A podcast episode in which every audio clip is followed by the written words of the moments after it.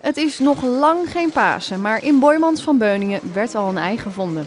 Een ei van kunstenaar Jeff Koons. En die is begonnen in 1994 met een speciale grote serie, de Celebration Series.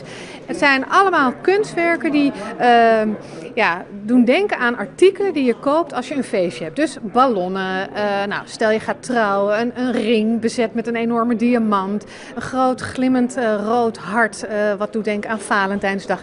Nou, zo ook een chocoladepaasei, hè, wat natuurlijk voor Pasen zeg maar, is bedoeld.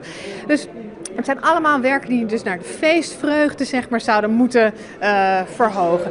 En hij heeft het vervolgens gigantisch opgeblazen, tot enorme proporties. En vervolgens heel erg uh, tot in detail, technisch gezien, tot in detail in de puntjes uh, uitgewerkt. De eigenaar, kunstverzamelaar Bert Kreuk, kocht het ei op een veiling. Volgens het museum is het miljoenen waard.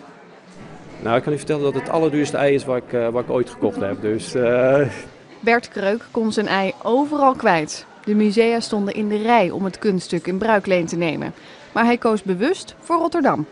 Ik, uh, ik vind allereerst dat uh, Boymans een heel goed uh, hedendaags programma heeft, een agenda. En daarbuiten heb ik al diverse werken hier in het Boymans. En ja, dat is heel goed bevallen. En daarbuiten ben ik een Rotterdammer, dus wat kan je beter hebben? Iedereen die het museum binnenkomt kan het ei gratis bekijken. Maar de cachère heeft gewoon tijdens werktijd een veel beter uitzicht. Nou, bling bling, heel mooi.